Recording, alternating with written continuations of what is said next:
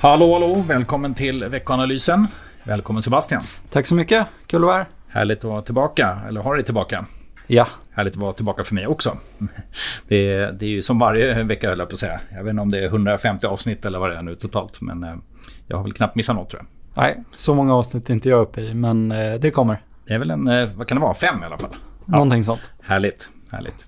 Du, jag tänkte så här, vi ska ju ganska snabbt hugga in på vad som händer den här veckan. Men bara lite kort, förra veckan i fokus, inflationssiffror. Ja. USA-Sverige. Ehm, det var ju USA egentligen som väntat lite. Ja. Sverige lite högre. Um, om man kollar i detaljerna, så USA så var det ju under december ett fall på 0,1 Vilket faktiskt är bästa siffran på ett år. Och uh, tittar man på, uh, på headline-siffran från 7,1 till 6,5. Ja. Lite mer rimligt. Lite högt men, uh, men liksom ändå ner fortsatt, vilket är det viktiga. Och ja. kärn-KPI då från 6 till 5,7. Exakt. Så att, eh, helt okej okay siffror. Det som framförallt var i dem, eh, stort fall på bensinpriser. Eh, och de är ju faktiskt ner nu sett på ett helt år. Mm. Ehm, och eh, det är ju faktiskt några grejer som jag tittar på här som, som är ner om man tittar på ett helt år. Bland annat dök ju då bensinpriser upp, men också bananer och apelsiner till exempel. Ja. Så det är mycket viktigt att fokusera på. Ja. Eh, men man kan säga att totalt sett ungefär som väntat. Eh, sen hade vi Sverige då. Ja, ehm. där var det lite dystrare mm. humör. Inflationen, eh, KPI då, väntades stiga från 11,5 till 12,0 procent. Mm. Eh, men det kom in högre än väntat och landade på 12,3 procent. Eh, och eh, Riksbanken föredrar ju att kolla på KPIF, alltså inflation med fast ränta, hellre än att kolla på KPI. Eh, och den steg också oväntat mycket från 9,5 eh, till 10,2 procent eh, och väntat var 9,9. Eh, och sen det sista intressanta inflationsmåttet då från Sverige är KPIF exklusive energi. Eh, så man bortser från ökningen på energipriser helt enkelt. Och eh, där gick siffran från 8% till 8,4% och väntat var 8,3. Så bara lite högre än väntat. Men även om man tar med de övergripande siffrorna så det är det är riktigt höga tal. Framförallt när man ser på headline då 12,3. Det är ju, jag vet inte hur många länder förutom typ Zimbabwe som uppvisar sånt. Ja, Turkiet. ja, exakt. Nej, men riktigt, riktigt eh, högt måste man ju säga. Så att eh, det känns för många och det Även här kan vi ju räkna med att det faller självklart, men vi kan också med att Riksbanken eh, kommer ju fortsatt eh, kämpa mot och risken finns ju snarare att man lyfter upp sina ränteprognoser kortsiktigt ännu mer kanske. Ja, det. absolut. Eh, det kan mycket väl hända. Mm. Och eh, vi ser ju att det fortfarande rör sig åt fel håll i Sverige. Mm. Eftersom det stiger på alla mått. Ja. Eh, till skillnad från USA där det har fallit mm. de senaste månaderna. Och det där kan man väl säga, alltså det brukar ju vara så att Sverige ligger lite efter USA i, vad gäller många mått, eller vad gäller mycket av ekonomiska utvecklingen. Och mm. kanske är det så helt enkelt här att vi, vi är en 5-6 månader efter som vi, som vi har varit historiskt. Och därmed kommer också laggen från centralbankerna bestå lite grann. Ja. Eh, så har det ju faktiskt varit ofta. Eh, USA var ju också tidigt ute med att få en högre inflationstakt än resten av världen. Eh, men vi har ju sett tecken på att inflationen börjar falla tillbaka i eurozonen till exempel. Mm. Eh, Medan det i Sverige fortfarande går åt fel håll. Mm. Så Intressant då att vi, när vi kommer in på den här veckan, att vi faktiskt ja. har eurozonens inflation på onsdag. Det stämmer. Eh, vad, vad, tror vi där då? Eh, där är det väntat att det faktiskt ska falla tillbaka rejält. Eh, från 10,1% till 9,2%. Mm. Eh, och det väntas även att eh, inflationen är minus 0,3% om man ser månad över månad. Mm. Ja, men tydligt fall där också. Det har ju också varit egentligen förväntat. Nu vet jag inte ja, exakt. Ja, just det. Det var, ju, det var ju förväntat att det skulle vara 9,2 va? Ja. Ehm, men, det är eh, vad de preliminära siffrorna har visat. Ja, just det. Så är det. Så det här är de definitiva som kommer nu på onsdag. Exakt. Och sen har man ju då sett lite, jag tänker på, såg en graf här som visar just KPI då mot producentpriset till exempel. Och den, har ju, den kom ja. tidigare den siffran och där ser man ju att den börjar vika ner. Så det finns en viss samrörelse där. Ja. Eh, så att, ja. Eh, där är det också så att de slutgiltiga faktiskt kommer i veckan. Ja. Eh, på fredag. Då, de väntas sjunka från 28,2 till 20,8. Härligt. Och en lite intressant sak att notera är att när de var som högst under förra året var i augusti och september och då låg de på 45,8 procent på Mm. tysk PPI.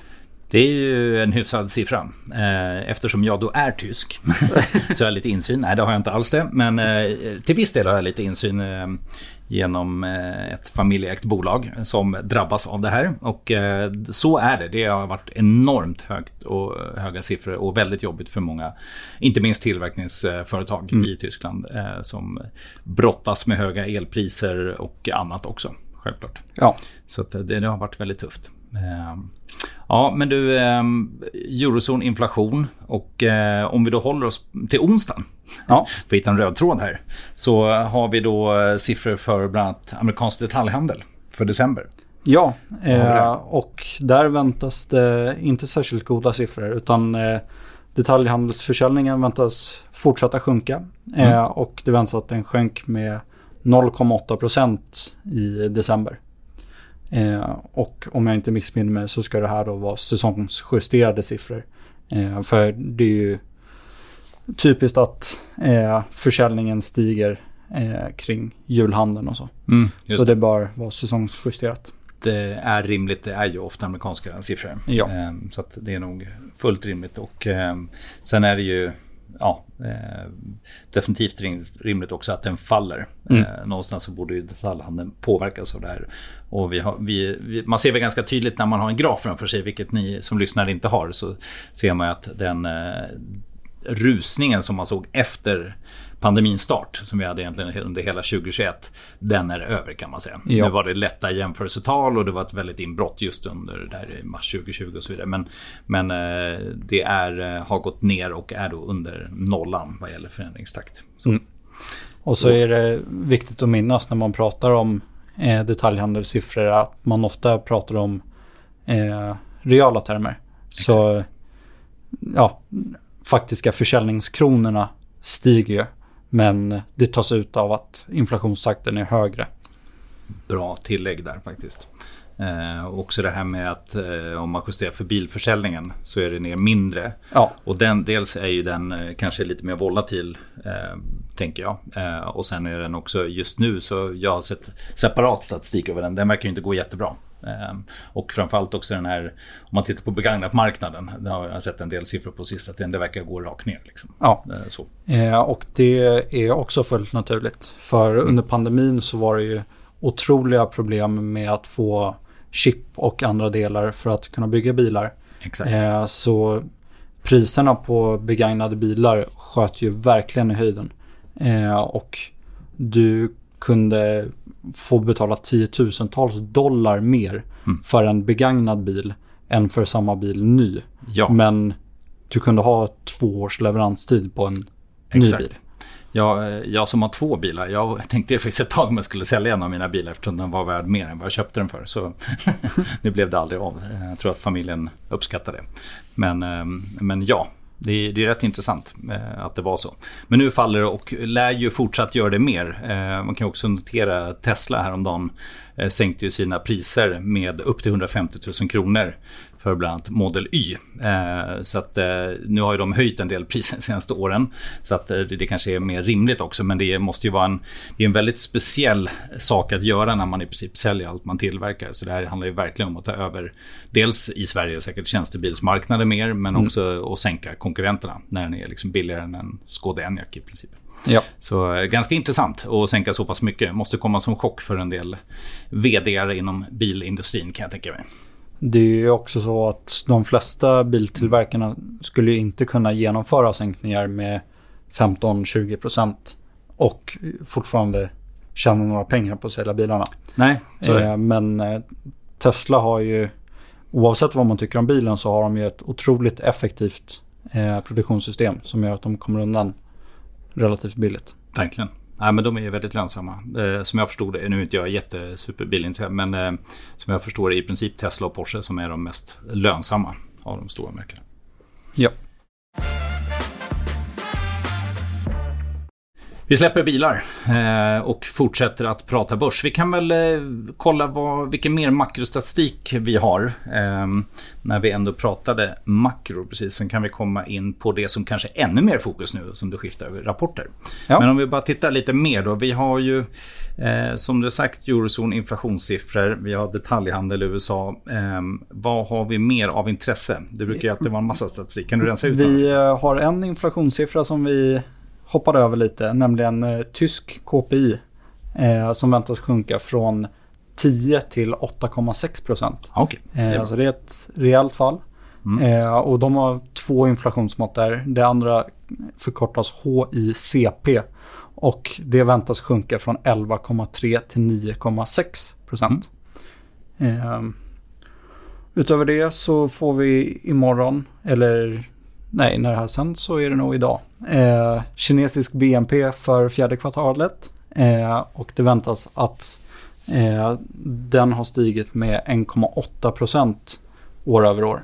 Eh, och för Kina är det här en mm. otroligt låg siffra. Eh, med tanke på att de har ett tillväxtmål på 5,5 procent.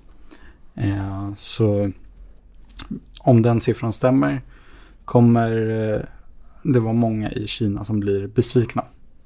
Verkligen. Eh, kommer ju lite andra siffror från Kina också. Industriproduktion, detaljhandeln. De brukar släppa en rad siffror eh, som ofta ligger inom samma dag eller åtminstone i samma vecka. Då. Ja. Eh, och det här blir en sån tung tisdag från Kina. Eh, och sen har vi lite, du nämnde USA detaljhandel kommer industriproduktion, NAHB, husmarknadsindex, byggarsentimentindex och också bostadsbyggande. Ja. Um, och där är väl gissningsvis trenden inte så positiv? Eller eh, nej, eh, bostadsbyggandet väntas ju, eller ja, byggstarter mm. eh, som är det man mäter. Det väntas eh, ha sjunkit från eh, 1 427 000 till 1 360 000. Mm. Eh, och det steg lite förra månaden men det är på en nedåtgående trend. Eh, så det har sjunkit med ett par hundratusen över de senaste månaderna. Ja, intressant. Och sen kommer ju också försäljning på befintliga bostäder på mm. fredag där. Och det är ju också en, eh, det är ju den stora delen av försäljningen. Så den lär väl också visa ett, ja, nu vet inte jag exakta siffror men det lär, lär inte se jättekul ut. Heller. Nej, även den väntas fortsätta sjunka. Det är, det är ju rimligt. Eh, och ny, nya, nyförsäljningen brukar komma veckan efter, så den gissar jag kommer nästa vecka. Och det lär ju vara ännu svårare med tanke på ränteläget som är på bostadslån i USA, som ju ligger riktigt, riktigt högt. Ja. Så, äh, men, eh, ja, intressant makro, alltid bra att kolla på. Men som jag sa, eh, fokus skiftar lite till rapporten, eller hur? Ja, eh, det stämmer. Under eh, förra veckan så drog ju rapportsäsongen igång i USA med eh, de flesta bankrapporterna. Eh, vi har två stora bankrapporter som återstår den här veckan. Och det är Goldman Sachs och Morgan Stanley som rapporterar på tisdag. Mm. Och det blir väldigt spännande att se. Bankrapporterna som släpptes i fredags togs inte emot så väl av marknaden. Det var lite spridda skurar där vissa divisioner kom in över förväntan och andra under förväntan. Eh, men överlag så hade marknaden hoppats på mer. Eh, och de kämpar ju just nu med, eh, kämpar väldigt mycket faktiskt med investment banking-avdelningarna. Mm. som då är de som hjälper till när bolag ska köpa och sälja andra bolag och ska börsnoteras mm. eh, och sådana saker. Eh, så vi såg ju till exempel att Goldman Sachs sa upp 3200 personer mm. förra veckan. Eh, och det är ju liknande trender på många amerikanska storbanker. Verkligen, intressant. In, ja, inte bara bankerna. Det har, det har kommit ganska få bolag hittills. Det är av de här 500 bolagen på S&P 500 så är det ju ett drygt 20-tal. Eh, och några är så knappt värda att nämna. Så det är bankerna som är i fokus i början på rapportsäsongen. Ja. Men jag tänkte bara lite kort, vad, vad har man för förväntningar? Det är ju, självklart är det ju ur börsperspektiv lite höjda förväntningar. P-talet har gått upp. Det, vi ligger på 17,3 i USA nu, ungefär i linje med 10-årssnitt. Lite lägre, lite bättre än femårssnittet då. Men bland analytiker så har man ju faktiskt dragit ner vinstprognoser ganska mycket. Om man tittar för just fjärde kvartalet som man rapporterar så var förväntningarna på 3,5% vinsttillväxt i september. Mm. Eh, nu ligger det på 3,9 vinsttillväxt. Så man har dragit ner mycket på materials, mycket på konsumentcykliskt men eh, även på andra sektorer. De flesta sektorer har man ju faktiskt dragit ner sina vinstförväntningar. Sen brukar det vara så här att när det väl kommer rapporter så brukar de överträffas med typ 60-70%. Eh, och eh, tittar man faktiskt de första, eh, eller de två kvartalen innan där, Q2 och Q3, så har det varit ännu mer än så. Eh, det som dock har hänt under de här kvartalen är ju att avvikelserna som kommer in är något mindre. Så även om det nu ska Eh, var bättre, och, vilket det redan är på de här 20 bolagen, eh, så är det ju mindre avvikelser över faktiskt förväntat. Så vi får se. Men eh, räkna med någonstans 60-70% bättre brukar det vara. Och sen så brukar det också vara bolag som ger en negativ guidance och en positiv inför rapportsäsongen. Och den här gången så är det 67 bolag som har gett en negativ alltså negativa utsikter. Och 34 positiva. Så man mäter allt det här på ett mer tydligt sätt i USA än vad man har sammanställt mm. i Sverige. Så. Ja. Och man tittar också i såna här konferenscalls liksom, som man lyssnar in på. Eh, och så tittar man vad är de nämner som negativt och positivt. Och det negativa då, om man nu ska fokusera på det, det är ju ogynnsamma valutor och höga personalkostnader som man nämner.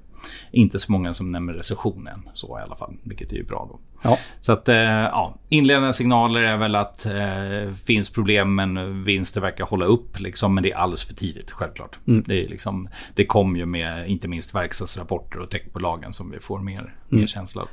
Det är kul att du nämner eh, höga eh, lönekostnader. Mm. För man har ju faktiskt sett att lönerna har ju stigit rejält i USA. Mycket högre än i exempelvis Sverige. Mm. Eh, och nu är ökningstakten inte lika hög. Men jag tror ändå att den var på 4,6 eller 4,8 procent i den senaste mm. noteringen. Och då mm. är det alltså år över år. Ja. Eh, ja, det är högt. Och under sommaren så låg det på över 5. Mm. Så det. Ja. Ja, det eh, kommer vi nog inte se i Sverige riktigt. Jag har hört lägre tal där. Ja. Eh, trots att vi har en inflation som faktiskt är högre. Så att, eh, ja, väldigt intressant eh, att se hur det blir.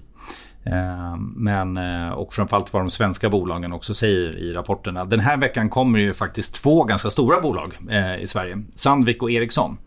Uh, och när man tittar på Ericsson så var det egentligen, jag vet inte hur viktig rapporten är, jag vet faktiskt inte riktigt vad som förväntas, men det var ju ett stort besked förra veckan. Ja. Och det är att man sätter av 2,3 miljarder, uh, som man säger förmodligen max, för överträdelserna av de här korruptionsuppgörelsen som man inte höll sig till mm. 2019 med amerikanska justitiedepartementet och Finansinspektionen. Och, mycket kan ju fortfarande hända i det där, det kan grävas fram fler saker, men man nämner inte mer nu Eh, och eh, man sätter en siffra eh, som är relativt billig jämfört med mm. de här initiala 10 miljarderna som det var på. Så man kan väl lite säga att våta filten över aktien är i alla fall mer, den har blivit lite torrare. Ja. Sen om det innebär en köprekommendation, ja. Det där är alltid känsligt. Så, och det finns mer saker som, som kan komma. Så.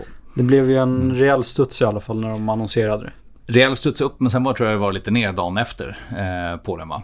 Eh, har jag för mig. Men eh, ja, eh, det blev upp i alla fall på, på beskedet. Eh, sen har vi Sandvik då.